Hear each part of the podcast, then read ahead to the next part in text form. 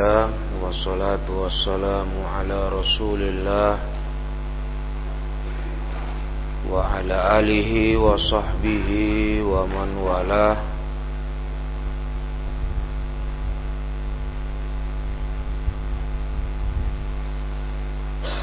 Sekarang ayat 40 Ya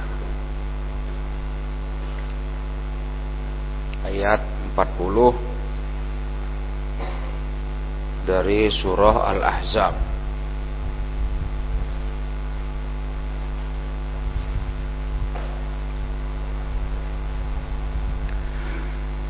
Allah berfirman Maka na Muhammadun aba ahadim mir rijalikum Walakin Rasulullah wa khataman nabiyyin wa kana Allahu bikulli syai'in alima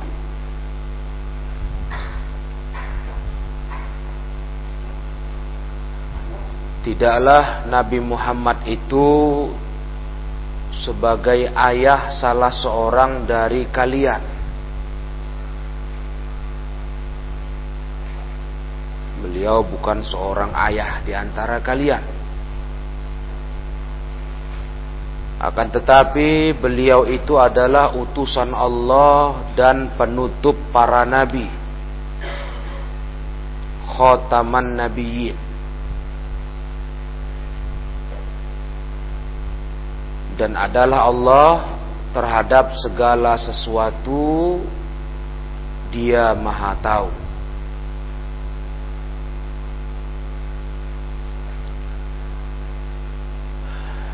Jadi di sini kata Syekh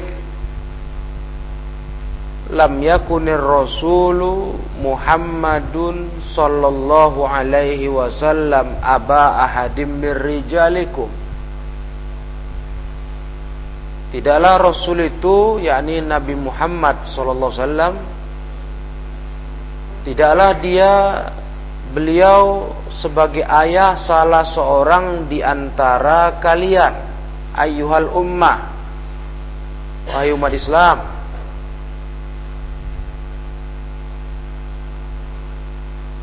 Jadi ini kasus siapa ini? Yang pernah terjadi Nabi dianggap sebagai ayah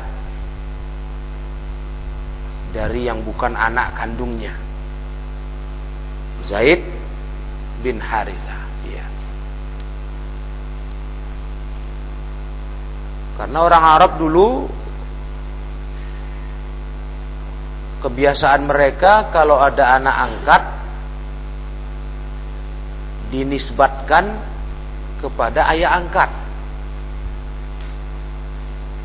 Jadi anak angkat itu binnya nama ayah angkatnya. Nah, itu nggak boleh. Rasulullah SAW sempat disebut sebagai ayahnya Zaid Zaid bin Muhammad turun ayat menjelaskan itu nggak boleh Faqata'a intisab Zaid bin Harithah minhu. Nah ini dia. Allah memutuskan penyandaran Zaid bin Harithah dari Rasulullah sallallahu alaihi wasallam. Diputus. Tidak boleh itu. Dan hukum ini berlaku untuk umatnya. Malah kita sudah belajar termasuk dosa besar. Minal kabair. Kalau seseorang menisbatkan dirinya kepada yang bukan ayah kandungnya. Ya. Seperti ini Zaid bin Muhammad. Tidak boleh. Nama ayah Zaid adalah Harithah. Harusnya Zaid bin Harithah. Nah, itu makanya kita sudah juga belajar kalau ngangkat anak itu harus tahu orang tua kandungnya. Karena nanti anak ini penisbatan dirinya kepada ayah kandungnya. Bukan ayah angkat. Dan dari sini pula kita tahu adalah perbuatan haram. Haram. Memasukkan anak kan anak angkat ke dalam kartu keluarga yang di situ tertulis statusnya kayak anak kandung. Kalian tahu kartu keluarga kan? Itu kan ada kolom setelah nama status anak. Ya kan? Ada kolom sebelahnya siapa ayah, siapa ibu. Banyak orang habis ngangkat anak dimasukkan anak ini ke kartu keluarga untuk diikat dia. Nah, terus di situ dibuatlah dia seakan-akan anak kandung si orang tua angkat. Di kolom ayah disebutlah nama ayah angkat, ibu ibu angkat. Jadi anak ini nggak lepas lagi katanya. Nah, ini haram. Ini perbuatan kabair minal kabir kabirah minal kabair dosa besar Ma jus, tidak boleh itu. Ya. Ayat ini menegaskan tidak boleh seperti itu. Walaupun pada sosok Nabi awal kasusnya, tapi setelah ini menjadi hukum. Hmm. Hukum Islam yang melarang menisbatkan menyandarkan seorang anak ke yang bukan ayah kandungnya. Itu nggak boleh. Taib. Walamma kana hadzan nafi, maka tatkala larangan ini sifatnya aman, umum, fi jami'il ahwal, di segala keadaan, umum. Iya umum. Hmm. Jadi Secara secara uh, zohirnya kan begitu. Ini umum di segala keadaan. In humila zahirul lafzi ala zahiri. Kalau dibawakan zohir lafadznya sesuai dengan zohirnya. Apa itu zohirnya? Maksudnya aila ubuwata nasabin la ubuwata nasabin wala ubuwata di'ain ya kan kalau zuhir begitu. Muhammad itu bukan bapak salah seorang kalian walaupun bapak secara nasab. Hmm. Loh. Kalau zuhir kan begitu. Pokoknya bukan bapak. Bukan ayah siapa pun. Walaupun secara nasab. Walaupun secara iddia pengakuan. Seperti tadi. Rasul dikatakan ayahnya Zaid. Itu kan pengakuan. Pengakuan kan? Bukan hakikatnya. Nah, kalau zohirnya begitu, nah, seakan-akan, oh berarti nggak boleh juga sih untuk dikatakan Rasulullah itu ayahnya Ibrahim, alaih Ibrahim Sallallahu Alaihi Wasallam, Ibrahim anaknya, anak Nabi. Nggak boleh begitu. Nah, atau Rasul itu dikatakan ayahnya Al Qasim, anak Nabi yang udah meninggal dari Khadijah radhiyallahu taala anha. Tidak begitu. Walaupun zohirnya, kalau dibawakan larangan ayat ini, Muhammad bukan ayah salah seorang kalian, itu masuk juga ubuwata nasabin. Bapak secara nasab. Nah, padahal wakot wakot kana taqarrara fi sudah lewat pada pelajaran yang lalu anna Rasulullah sallallahu alaihi wasallam abun lil mu'minina kullihim. Rasul itu kan ayah bagi semua orang beriman. Ayah kita itu. Sahih. Sebagaimana wa azwajuhu ummahatuhum. Istri-istri Nabi ibarat apa bagi kita? Ibu. Nah, jadi maksudnya bukan begitu, bukan terus Nggak boleh Nabi dibilang ayah siapa pun. Nggak begitu. walaupun ayah anak kandungnya nggak boleh gitu. Salah paham itu. Nah, jadi kenyataannya Rasulullah SAW itu ibarat ayah bagi kita. Tapi ayah dalam arti di sini bukan penisbatan. Bukan kayak kita bilang diri kita anak ayah kita. Nggak begitu. Tapi secara status Nabi itu ibaratkan ayah kita yang kita hormati sangat. Istrinya kayak ibu kita.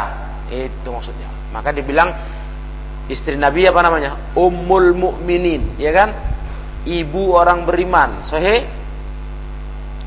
Itu adab kalau nyebut istri Nabi. Kita sebut Ummul Mukminin Aisyah. Nah, gitu dia. Ummul Mukminin Aisyah. Ummul Mukminin Khadijah, Ummul Mukminin Zainab dan seterusnya. Nah, Fahtarza yadkhul fi hadzal nau' bi'umumin nahyil mazkur. Maka Allah menjaga untuk jangan dianggap masuk di jenis ini dengan keumuman larangan yang disebut. Nah, jangan terus dianggap Rasulullah sallallahu alaihi wasallam mutlak dilarang dinisbatkan ke siapa pun walaupun kepada anak kandungnya. Ya keliru. Rasul aja dipanggil dengan Abul Qasim kok, ya kan? Ayahnya Qasim, Qasim itu anak Nabi dari Ummul Muminin Khadijah. Meninggal. Sudah. Hmm. Nah, supaya juga jangan dianggap Rasul itu bukan bapak kita, itu nggak termasuk yang dilarang. Yang dilarang itu penyandarannya seperti penyandaran ayah ke anak, itu nggak boleh. Padahal bukan anak Rasul Zaid, anak angkat.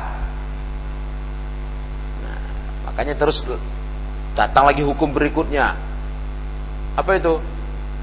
Mantan istri anak angkat boleh dinikahi ayah angkat, kan gitu. Untuk betul-betul membuat orang Arab paham anak angkat itu bukan siapa-siapa, bukan anak, eh, bukan dia itu orang lain, anak angkat itu orang lain, anak ayah kandungnya. Jadi status anak angkat itu nggak ada pengaruh dengan keluarga ayah angkatnya secara hukum Islam. Makanya dia nggak dapat warisan, ya. Istrinya kalau dia cerai boleh dinikahi ayah angkatnya karena orang lain bukan siapa-siapa. Secara hukum intisab penyandaran nggak ada hubungan. Karena nggak hubungan darah apa pun.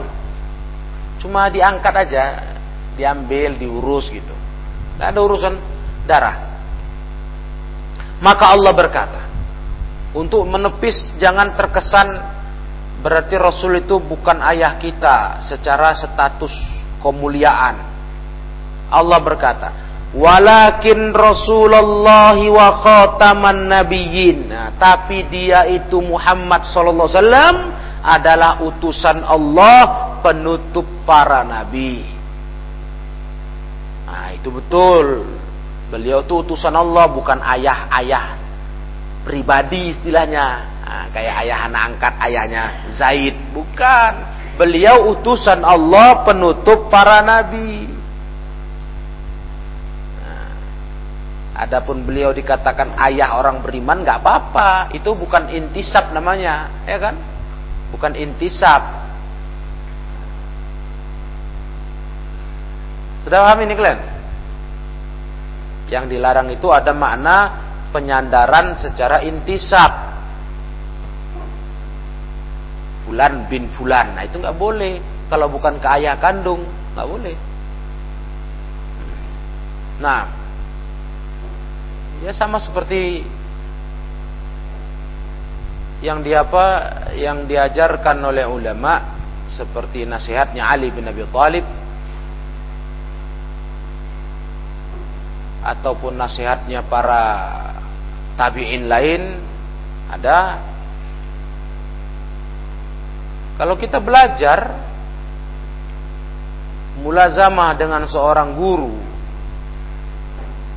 seorang syekh,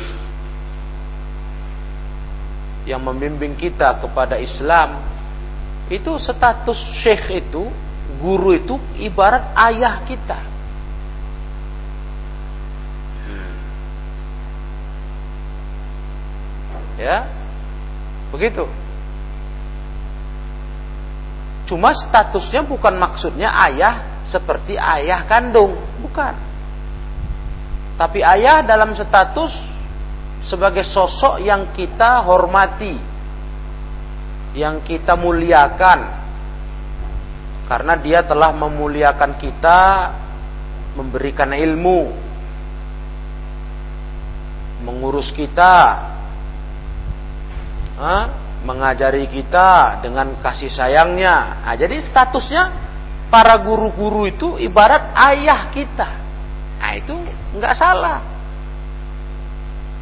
Nah, beda dengan penisbatan anak angkat ke ayah angkat. Nah itu lain. Itu udah penisbatan yang tidak boleh terjadi. Zaid bin Muhammad nggak boleh. Paham jadi itu dia. Maka Rasulullah pun ibarat ayah umat Islam. Nah, ibunya, ah, istrinya, ibu umat Islam. Ummul Mukminin. Begitu. Ai hadhihi martabatuhu martabatul muta'il matbu'. Ah inilah kedudukan nabi yang sebenarnya.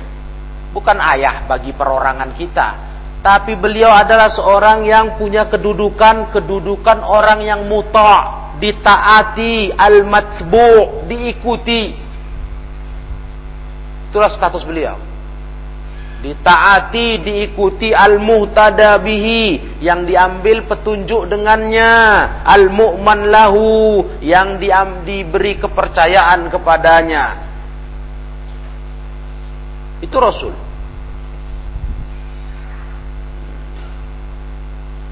maka dia kepada umat Islam ini ya sayangnya perhatiannya kayak ayah kepada anak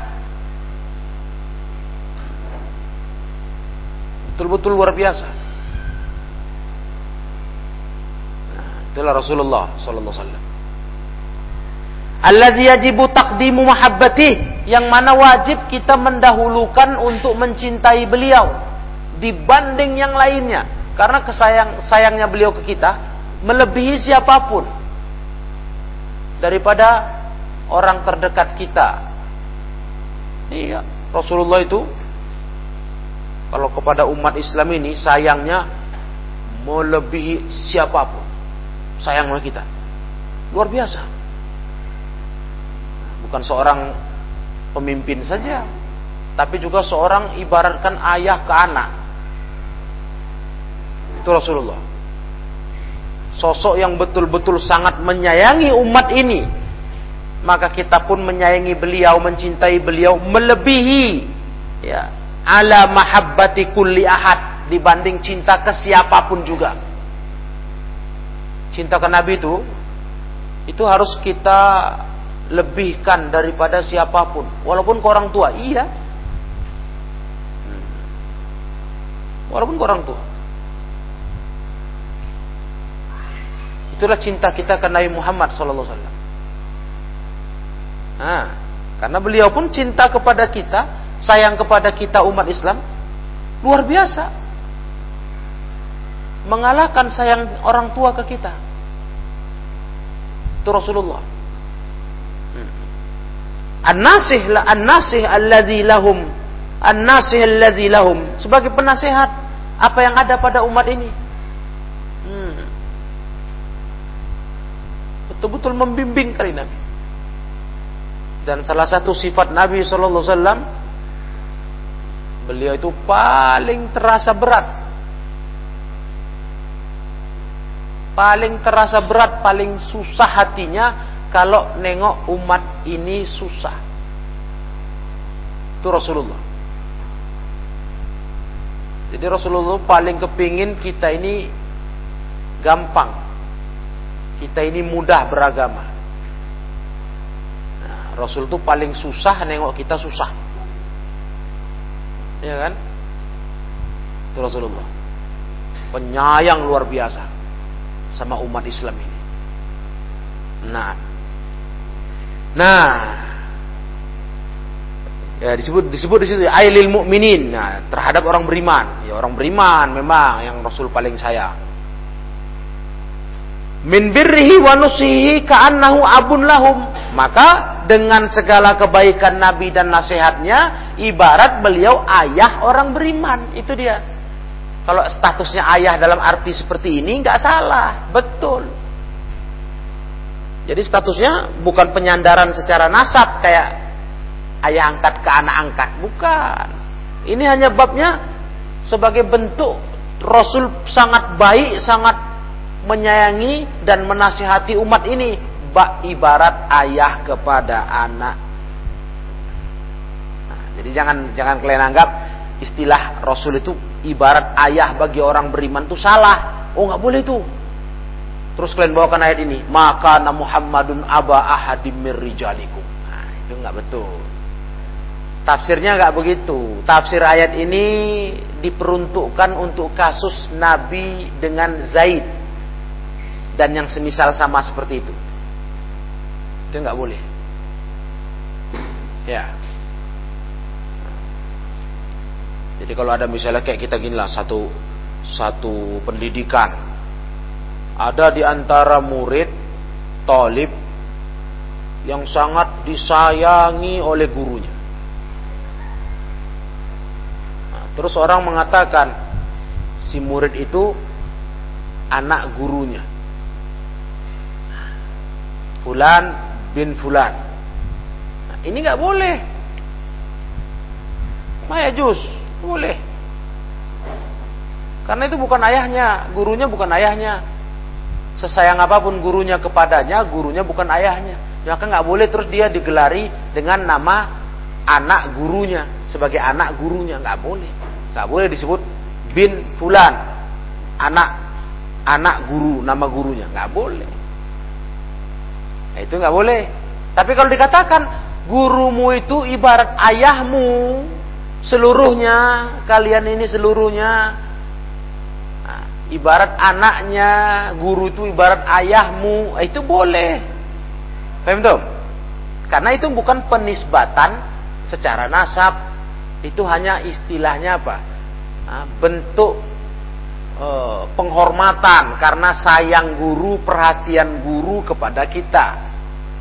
Jadi dia ibarat orang tua kita, ayah kita. Gitu. Dan itu yang terjadi pada Rasulullah sallallahu maka Rasulullah tetap abun lil mukminin, ayah bagi orang beriman. Itu nggak salah kalimat itu. Nah, bukan melanggar ayat ini enggak. Karena istilah abun lil mukminin ya itu maknanya karena Rasul berbuat baik, berbuat eh, kasih sayang, nasihat untuk kita semua. Paham sampai di sini? Paham? Yang dilarang apa tadi? Penisbatan secara nasab, ya kan? Nah, secara nasab itu seperti yang Rasul dulu Zaid bin Muhammad. Nah, itu nggak boleh. Sejak itulah dirubahlah panggilan Zaid. Bukan lagi Zaid bin Muhammad, tapi Zaid bin Harisah. Nah, itu Harisah bapak kandungnya. Ya, Harisah bapak kandungnya. Nah, dan Zaid diangkat Nabi waktu itu jadi anak angkat karena Nabi sayang ke dia, dia mantan budak. Dibebaskan. Dulunya dia budak radhiyallahu taala anhu. Dibebaskan Nabi nah, terus Nabi berstatus sebagai ayah angkatnya. Orang-orang melihat Nabi sayang kali sama dia.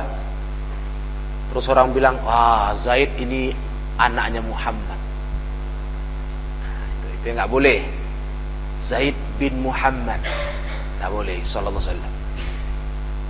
Nah, maka dirubahlah pemikiran itu di masyarakat dengan turun ayat. Nabi Muhammad itu bukan ayah seolah seorang kalian. Sampailah puncaknya Zaid menikah, cerai, istrinya pun dinikahi Nabi sallallahu alaihi wasallam. Zainab radhiyallahu taala anha, ummul mukminin. Begitu ya. Wa Allah syai'in alima dan Allah atas segala sesuatu Allah itu Maha tahu. Aikot ahato ilmuhu wa bijami'il asya. Ilmu Allah meliputi segala sesuatu. Nggak ada yang Allah nggak tahu, semua Allah tahu. Wa ya'lamu haitsu yaj'alu risalata. Allah tahu bagaimana Allah meletakkan risalahnya, tugas kerasulan untuk siapa. Allah tahu. Allah tahu memang Rasulullah lah yang paling pantas jadi utusannya. Manusia terbaik. Allah tahu. Allah nggak salah pilih. Hmm. Makanya Rasulullah itu orang terbaik. Nggak ada lebih baik dari beliau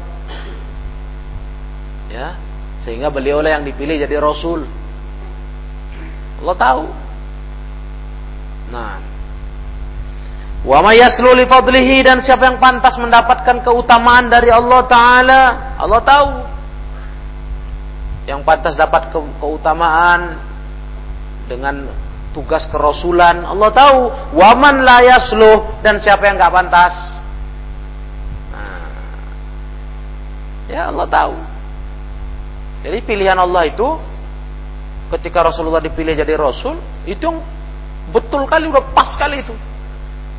Karena beliau yang pantas untuk itu. Selain beliau tak pantas. Begitu pula lah terus ke belakang sahabat. Allah tahu siapa yang pantas dijadikan sahabat nabinya yang menemani nabinya. Mendampingi nabinya, membela nabinya. Allah tahu Dipilihlah para sahabat-sahabat yang kita kenal. Karena Allah tahu manusia terbaik hatinya setelah Nabi, sahabat. Nah, khususnya Al-Khulafa Ur-Rashidun. Ya kan? Kenapa nggak Allah pilih Abu Jahal, Abu Lahab? Karena Allah tahu. Ya, yang baik itu bukan mereka, hatinya yang baik ini. Abu Bakar Siddiq, Umar bin Al-Khattab, Utsman bin Affan, Ali bin Abi Thalib dan para sahabat semuanya. Jadi yang terbaik hati manusia setelah Nabi, hati sahabat yang dipilih Allah menemani Rasulnya. Begitu pula soal istri. Allah tahu siapa yang paling pantas dipilih jadi istrinya. Mendampingi manusia terbaik ini. Siapa? Itulah para istri Nabi. Nah, yang berjumlah 11 orang ada satu riwayat sampai bilang 12 orang. Nah, sampai Rasul meninggal, Rasul meninggal meninggalkan 9 orang. Itulah yang terbaik dipilih Allah. Allah tahu sosok yang paling terbaik itu yang pantas mendampinginya wanita baik. Nah, sahabat-sahabatnya orang-orang baik. Nah, Allah pilihkan. Nah, ini dia. Makanya ahli sunnah memandang istri Nabi, memandang sahabat Nabi itu sangat dimuliakan karena mereka tahu, ahli sunnah tahu itulah orang terbaik setelah Nabi. Makanya Allah pilih mereka mendampingi Nabi. Ini istri-istri untukmu, wanita-wanita terbaik. Dan udah kita belajar bagaimana mereka lebih memilih Allah dan Rasulnya serta akhirat daripada dunia. Sahih? Udah, Dikasih pilih sama Rasul. Kalian mau apa? Allah turunkan ayat. Mau apa? Bilang sama istri-istrimu. Mau apa kalian? Nah, gitu. Jadi Allah itu maha berilmu atas segala sesuatu. Nah, ini tafsir ayat 40. Melengkapi yang sudah kita bicarakan seputar anak angkat di ayat sebelumnya, ya kan? Nah, kasus masalah nikah Nabi dengan Zainab bintu Jahsh istri mantan istri Zaid. jadi ini dia e, tambahan ilmunya untuk menegaskan Nabi SAW bukan ayah salah seorang dari umat ini. Dalam arti ayah secara penisbatan nasab itu nggak ada, nggak betul. Nah, penisbatan e, perorangan gitu nggak betul. Karena bukan ayahnya, bagaimana mau dibilang ayahnya Zaid? Bukan ayahnya Rasul itu. Tapi kalau yang betul-betul anak Rasul ya betul, dibilang ayahnya Rasul. Ayahnya dia Rasul betul. Rasul ayah si fulan boleh, Abul Qasim. Hmm. Iya, Rasul ayah si Qasim ya memang itu anak kandung. Nah, anak kandung itu. Nah, jadi itu nggak masalah. Kalau itu nggak salah. Yang salah itu penisbatan seperti penisbatan nasab tapi sebenarnya bukan keturunan Nabi. Nah, itu salah. Hmm. Sudah sampai di sini paham kalian? Nah, setelah itu semua selesai, hukum-hukum terkait dengan anak angkat, masalah penisbatan anak angkat, semua dan bahwasanya anak angkat itu nggak ada hubungan apa pun dengan orang tua angkat Makanya dalam hal kemahroman tetap dia bukan mahrom dengan orang tua angkat. Anak laki-laki bukan mahrom dengan ibu angkat. Anak perempuan bukan mahrom dengan ayah angkat. Nah, itu udah tahu kalian semua udah. Masya Allah ilmunya sudah sampai. Nah, sebagai bukti tidak ada hubungan apa pun, maka istri anak angkat kalau cerai boleh dinikahi ayah angkat bukan bukan harus dinikahi jangan salah kalian bahasanya boleh maksudnya tandanya nggak ada hubungan nggak ada kemahroman itu maksudnya boleh atau mungkin ada seorang anak angkat perempuan menikah sama suaminya habis itu cerai boleh nggak suami anak angkat ini nikah sama ibu angkatnya? Boleh? Boleh? Boleh. Sama kayak ayah angkat nikah sama istri mantan istri anak angkat. Boleh. Orang bukan siapa-siapa itu. Hmm. Kenapa tidak? Makanya nggak mahram. Anak angkat perempuan ya menikah Awas, ibu angkatnya awas sama menantunya ini. Ini bukan mahramnya. Jangan macam-macam. Nah, bukan mahram itu. Nggak boleh berduaan. Nggak boleh bebas ketemuan. Jangan terus berkata, ini menantuku. Menantu anak angkatku. Itu bukan mahrammu. Andai kata dia sudah berpisah dengan istrinya, dia bisa nikah dengan ibu angkatnya. Hah? Bahkan kalaupun dia nggak bisa sama istrinya, dia mau punya istri dua, satu anak satu ibu bisa. Saya melah, saya betul. Karena bukan ibu angkatnya bukan ada hubungan darah sama istrinya. Nah, udahlah aku borong aja lah semua katanya. Hmm. Ya kan? Mungkin gitu kasusnya. Si ibu si anak angkat ini bingung, oh, nggak mahram suamiku dengan ibu angkatku. Ibu angkatku mau tinggal sama siapa kalau disuruh pisah? Karena nggak mahram. Bisa dia nikah ibu angkatnya ini sama si suaminya? Bisa, orang bukan siapa-siapa kok. Nah, kan begitu. Karena bukan siapa-siapa, nggak ada hubungan setetes darah pun orang lain nih. Nah, cuma selama ini ibu angkat ini berbaik hati, diurusnya anak angkat ini, dikasih makan sampai besar. Itu aja pahala ibu angkat sama ayah angkat kalau punya anak angkat. Pahala dalam hal e, memberi kehidupan, memberi pengurusan, memberikan kasih sayang ke anak yang butuh itu. Nah, kalau dalam urusan lain nggak bisa. Urusan mahram nggak bisa. Atau urusan wali. Bisa wali. Ada orang punya anak angkat ayah angkatnya jadi wali menikahkannya. Bisa? Bisa? Hah? bisa? Nggak bisa wali itu ayah kandung ada keluarga punya anak angkat perempuan betul-betul anak angkat dari bayi diambil Udah dewasa anak perempuan ini mau nikah, ada jodoh. Siapa yang boleh menikahkan dia? Ayah angkat? Ayah kandung. Ayah angkat bukan siapa-siapa. Ayah kandung. Oh, ayah kandungnya nggak ada lagi. Entah di mana pun. Mendapat anak ini pun dapatnya di paret. Dibuang orang misalnya. Ya kan? Zaman manusia gila sekarang begitu. Hamil di luar nikah, anak buang ke paret. Diurus orang, anak perempuan. Nggak ada ayah kandungnya, entah siapa pun nggak tahu. Orang dulunya dapatnya di paret tadi kan. Macam mana? Siapa yang berhak menikahkan dia? Udahlah ayah angkat aja lah sudah. Karena ayah ini yang ngurus dari bayi. Nggak boleh. Orang yang nggak punya wali, yang berhak menikahkannya adalah wali hakim. Walaupun ada ayah angkat, nggak boleh. Ngerti kalian? Nah, wali hakim. Siapa tuh wali hakim? Tuan Kadi,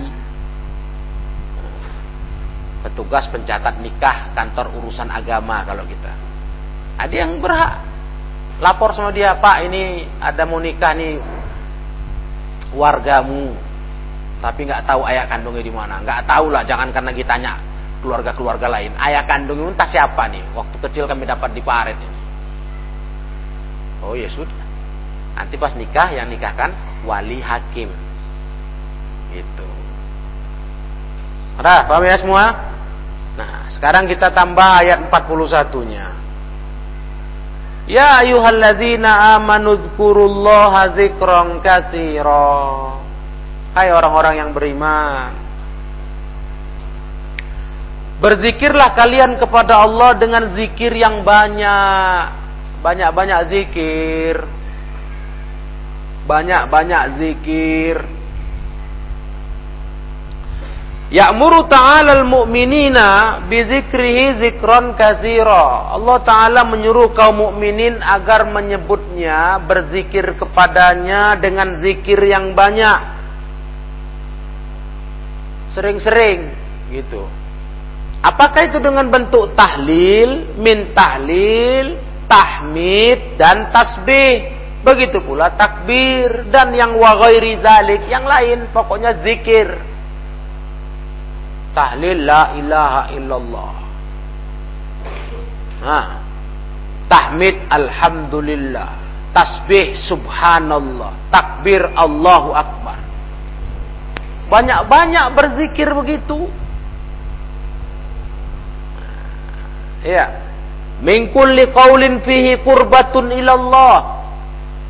Dengan segala bentuk ucapan yang di dalamnya terdapat pendekatan diri kepada Allah.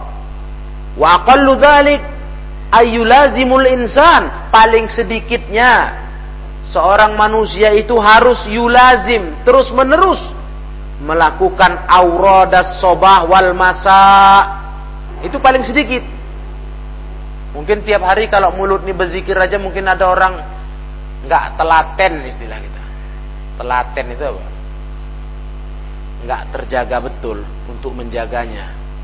Kadang lalai. Padahal itu paling bagus. Lisan ini banyak mengucap mengucap subhanallah, subhanallah. Nah, bergerak dia. Alhamdulillah Allahu Akbar. La ilaha illallah. Tapi kalau itu nggak mampu, sering apa kelewatan lah sudah banyak kali mulut nih cakap tak apa-apa lupa zikir. Ah, paling tidak paling sedikit apa? Zikir pagi sore. Auradas sobawal masa. Tahu kan zikir pagi sore kan? Ada udah bukunya kitabnya itu. Kitab zikir pagi dan petang. Itu paling tidak. Begitu pula wadbaris sholawatil khamsi di belakang setiap solat wajib yang lima. Nah, Udah berapa kali dinasihati sama kalian? Berapa kali sudah? Habis sholat wajib tuh, kalau nggak ada keperluan mendesak, nggak ada mendesak untuk kita tegak, zikir dulu. Kecuali ada mendesak, ada hajat yang mendesak, kita harus cepat bangkit. Nah, boleh. Kalau tidak zikir dulu, tenang-tenang zikir. Itu udah paling sedikit soalnya. Menjaga zikir siap sholat wajib pagi sore itu akol paling sedikit Kalau Nabi, oh sepanjang hari, sepanjang waktu, lisannya basah, rutban bizikrillah, basah dengan zikir ke Allah. Oh. Kita mungkin nggak telaten tadi, nggak bisa menjaga kali. Paling tidak jagalah zikir pagi sore, jaga zikir habis sholat wajib. Tasmaun. Dengar semua. Cepat kali lupanya. Iya. Kecuali mendadak kali, mesti kali. Nah. Ya, nggak nggak bisa ditunda ada hajat tertentu. Nah, bolehlah kita tidak berzikir. Bahkan yang pernah Mualim sampaikan apa? Ulama itu ketika hajat mendesak dia harus tegak, zikir sambil jalan. Ya kan? Saking nggak maunya lewat dari zikir. Sambil jalan menuju rumahnya seperti kisahnya Syekh Al Utsaimin rahimahullah. Nah, itu keluar masjidnya, pulang ke rumah, zikir. Karena ada kehajat mau cepat pulang, zikir. Begitu. Zikir itu dijaga habis sholat wajib. Kalau nggak mendesak jangan tegak kalian. Ini malah tegak berjamaah. Nah, tegaknya berjamaah. Kayak tersedot dia kayak ditarik magnet. Nengok kawan tegak keluar dia ikut. Wah. Nah ini jangan ya. Itu udah paling sedikit berzikir tuh. Paling sedikit habis sholat lima waktu pagi sore. Terus wa indal awarid wal asbab ketika kejadian-kejadian dan sebab-sebab tertentu seperti zikir masuk masjid, keluar masjid, zikir masuk kamar mandi, keluar kamar mandi atau zikir turun hujan. Nah itu. Itu kan sesekali kejadiannya. Karena kalau tiap hari basah terus dengan zikir mungkin ada orang nggak telaten tadi. Padahal itu yang mantap. Itu yang mantap. Rasulullah itu berzikir astagfirullah sehari nggak kurang 100 kali. Itu mantap. Ya. Wayam bagi mudawamatu dzalik sepantasnya terus menerus mudawama. Jaga zikir itu fi jami'il awqat ala jami'il ahwal di semua waktu di segala keadaan. Itu mantap. Jaga terus. Zikir, zikir, zikir terus. Itu yang betul yang sunnah.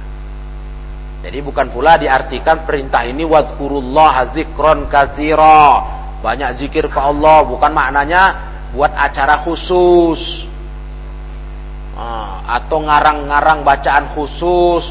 Habis sholat. Karena disuruh banyak berzikir kepada Allah. Kan itu ayatnya tuh lihat Al-Ahzab 41 katanya.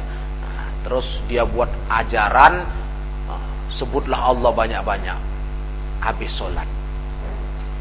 Ini ajaran tarekat. Ajaran tarekat sufi. Ya. Salah satu amalan mereka yang kita tengok langsung habis sholat itu berzikir menyebut Allah sampai sekian ratus kali. Allah, Allah, Allah, Allah. Karena disuruh banyak zikir ke Allah katanya. Lama-lama kencang itu. Allah, Allah, Allah, Allah, Allah. Allah. sampai wah, lama itu. Gua goyang terus.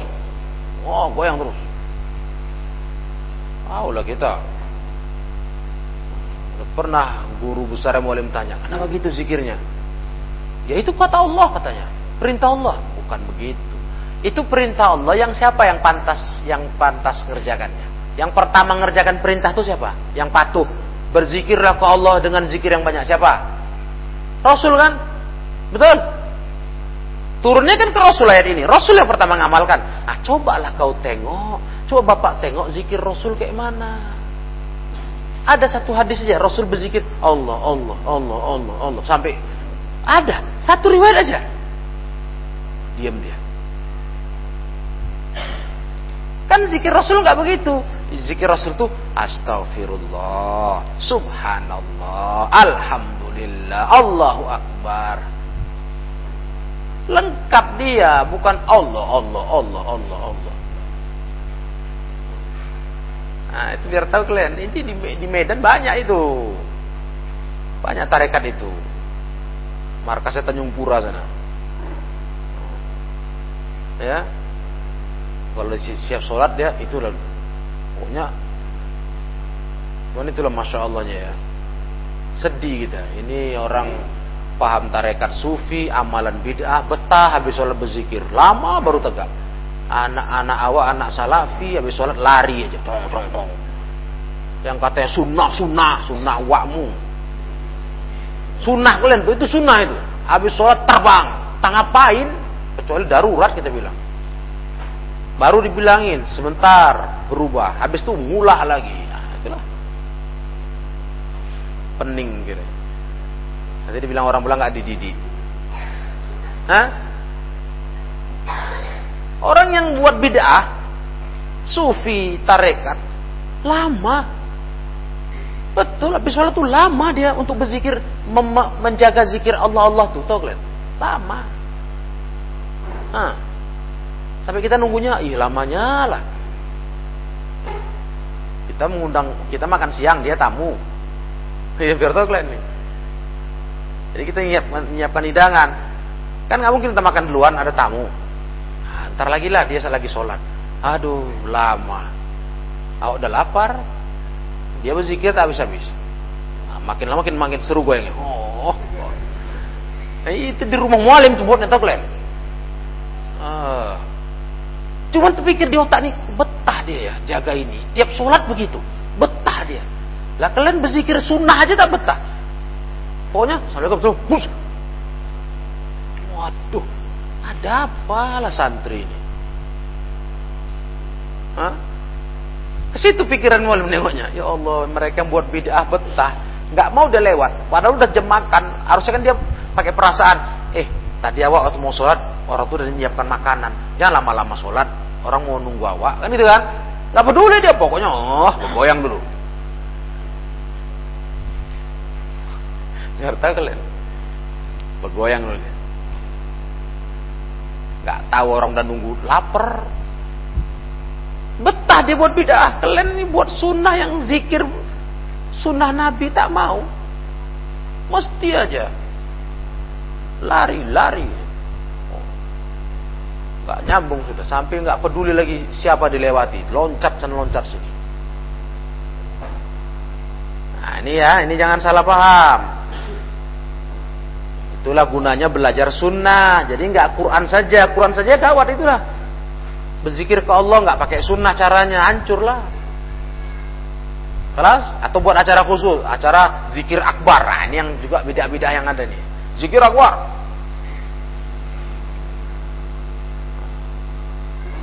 kita mau berzikir rame-rame. Acara waktu khusus kayak kita kajian awal bulan. Habis sekarang nih di Masjid Agung Medan. Itu jadwal minggunya penuh itu. Diborong diboking sama grup zikir-zikir. Wow. kalau hari Ahad oh, syaratnya peserta harus datang berbaju putih perempuan dan laki-laki. Wih putih itu Masjid Agung tahu laki perempuan laki-laki berjubah putih berkemeja putih perempuan pakai apa mukena. Wah, itu berzikir tuh. Wah seru kali itu. Bukan itu maksudnya berzikir berzikir banyak kepada Allah bukan. Nggak perlu buat acara-acara begitu. Ya kan? Nah, perlu. Kita perlu ngamalkannya seperti yang Nabi amalkan. Nabi nggak pernah buat acara gitu. Ayo zikir rame-rame hari ini hari ini hari ini nggak ada cukup Nabi zikir sendiri mulut Nabi basah dengan zikir kepada Allah Taala Fa inna ibadatun yasbiqu bihal amil itu ibadah. Ibadah itu zikir itu. Hmm. Ya. Yang bisa membuat seorang yang beramal itu naik derajatnya, melampaui yang lainnya wahwa mustari dan dia akan merasa tenang. Santai. Jiwa tuh tentram, banyak zikir tuh tentram. Tentram. Itu rahasianya. Mau tenang jiwa, tenang hati, zikir. Iya, zikir. Cobanya istighfar. Astagfirullah. Astagfirullah. Nah, istighfar. Nanti ganti subhanallah. Uh itu hati tenang ya. Wada'in ila mahabbatillah wa ma'rifatih, mengajak kita mencintai Allah dan men mengenal Allah taala wa aunin 'alal khair dan untuk menolong buat kebaikan, wa kaful lisan dan menahan lisan anil kalamil qabih dari cakap bang jelek. Kalau udah lisan berisi zikir, nggak ada kesempatan cakap jelek muncul. Kayaknya orang yang suka cakap jelek, cakap cakap nggak enak, cakap nggak nggak genah, itu nggak pernah zikir lisan tuh. Hmm. Cakap-cakap dosa lah, alkobih yang jelek itu kan macam-macam. Ada ribah, ada namimah, ada fitnah, ada apa lagi pokoknya ah itu obatnya zikir kau banyak zikir ada yang jerit-jerit macam Tarzan di hutan belantara. Nggak karu-karuan suara itu. Itu karena nggak nggak mau zikir. Coba zikir. Nah, ini luar biasa ini perintah zikir ini. Iya. Paling sedikit tadi ya paling sedikit. Paling sedikit jaga zikir habis sholat wajib. Jaga zikir wirid pagi sore. Belum hafal kalian semua? Ada bukunya, ada buku saku. Baca itu. Hmm. Ya kan? Apalagi waktu-waktu kayak kalian ini, ini paling paling mudah ini ngamalkannya karena kesibukannya belum banyak. Nah, belum banyak. Dulu pendahulu-pendahulu kalian menyantri ini dulu. Itu Masya Allah itu. Tanpa diperintah, tanpa dibuat aturan, itu sadar sendiri karena ilmu ini. Itu zikir sore. Kalau zikir pagi, itu memang habis subuh. Nah, habis subuh yang agak repot tuh zikir sore karena sebelum maghrib. Hmm. Sebelum maghrib. Istilahnya kan itu kalau waktu kayak kalian sekarang nih, kayak gini sebelum maghrib. Ini kan waktunya mandi, ya kan? Ada aja lah kegiatan itu. Nah, kalau pagi itu kan lagi tenang. Tapi masya Allah, itu malah di zikir sore pun masuk masjid sudah pegang kitab zikir, baca zikir sore sampai siap masuk maghrib. Masya Allah. Makanya terus kenakalan berkurang, tenang. Nah, nggak liar otaknya, ya nggak tergoda buat masalah, nah, tenang. Ya, ini kalian coba lihat hidupkan dia. Zikir pagi sore itu paling sedikit.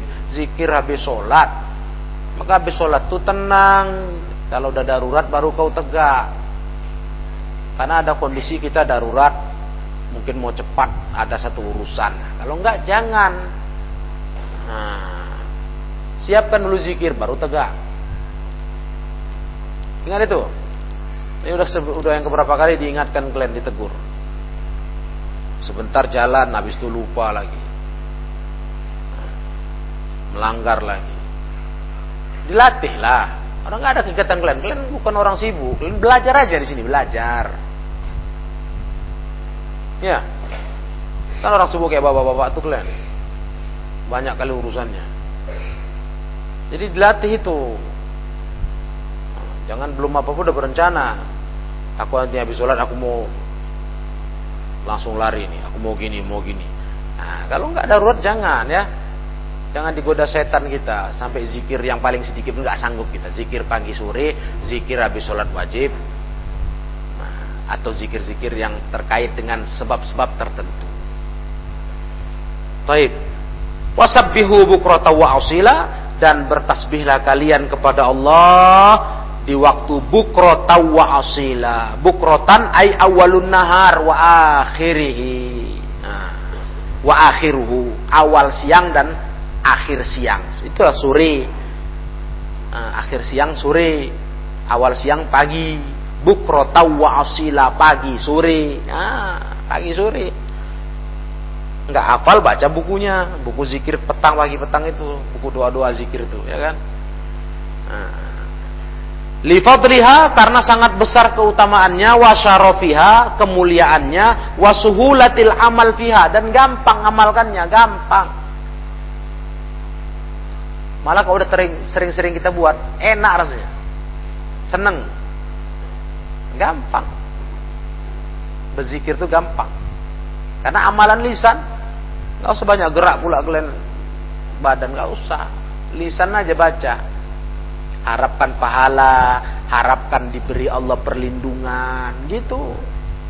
Karena itu zikir tuh di antara faedahnya selain bikin tenang hati ala bizikrillahi tatmainnul qulub, ya kan?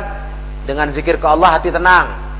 Terus Zikir itu bisa menjadi pelindung kita dari mara bahaya, dari syaitan, dari orang jahat.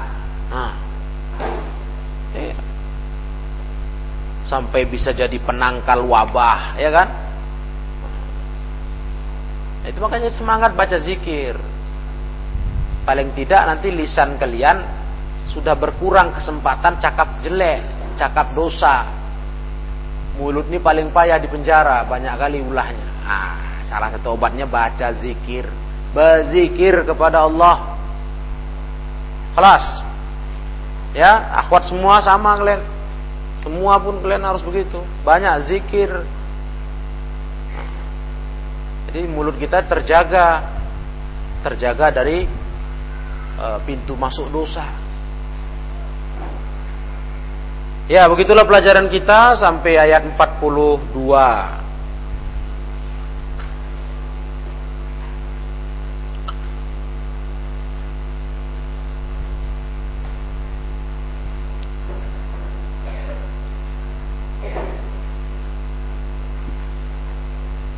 Ya. Ilauna subhanakallahumma wa bihamdik Ashhadu an la ilaha illa anta astaghfiruka wa atubu ilaik. Walhamdulillahi rabbil alamin.